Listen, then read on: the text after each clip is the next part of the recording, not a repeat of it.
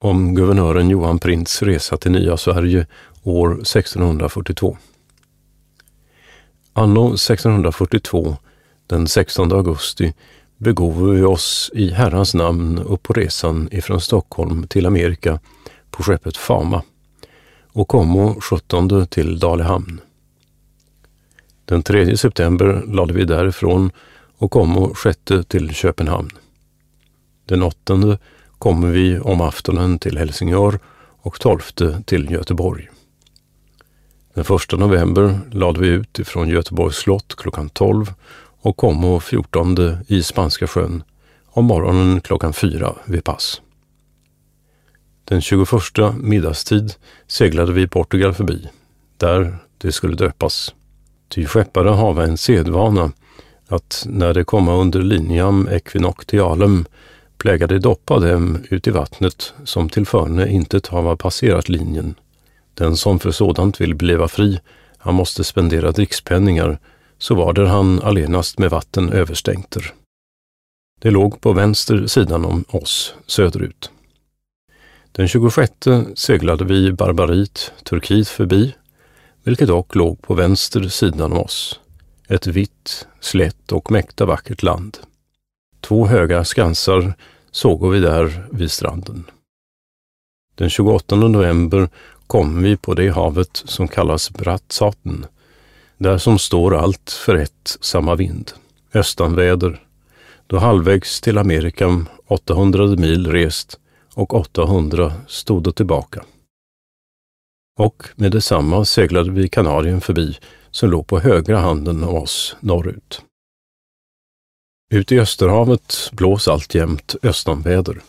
Ute i Österhavet är det tvenne passager, en som blås ständigt östan och i den andra jämt västanväder.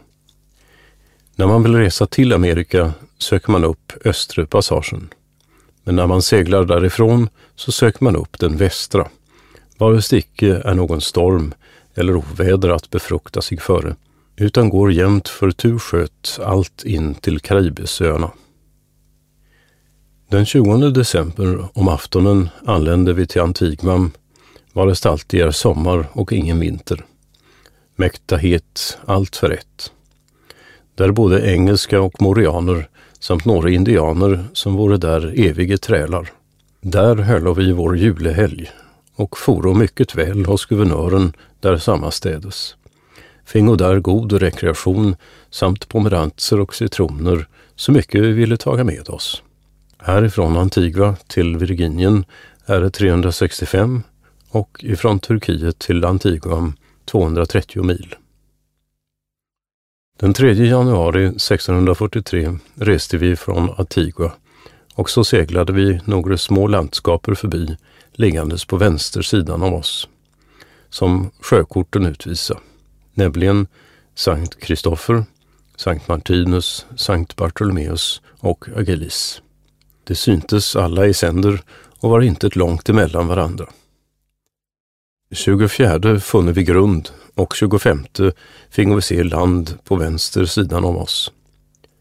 Den 13 hade vi stor storm ute i Västersjön in till söndagen den 15.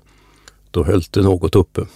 Men strax därefter, om måndagen, begynte det återigen att storma mäkta hårt och varade över 14 dagars tid. Så att vi aldrig hade haft en sådan häftig storm med snögloppande som var den 26 och 27 januari. Att vi då i Bajen för Hornkilen miste tre stora ankare, galjon, blindan och stormasten. Skeppet Svanen som kom på grund och miste jämväl samma slags redskap som vi ut i samma storm. Men den 15 februari kom vi dock, Gud i lov, väl fram till nya Skansen, Kristinam, ut i nya Sverige vid Virginien efter middagen klockan två. Efter man nu således har besett denne deras resa till nya Sverige, så vill man också här tillägga det som magister Johannes Companius av sin hemresa därifrån år 1648 antecknat haver som för dess hastighet synes något märkelig. Den 16 maj, sedan jag hade bekommit hederliga avskedspass från guvernören och församlingarna, begav jag mig med det mine i Herrans namn upp på resan ifrån Älvsborg ut i nya Sverige på skeppet Svanen och komma 18 till Bayern. Emellan Älvsborg och Bayern räknas nio mil.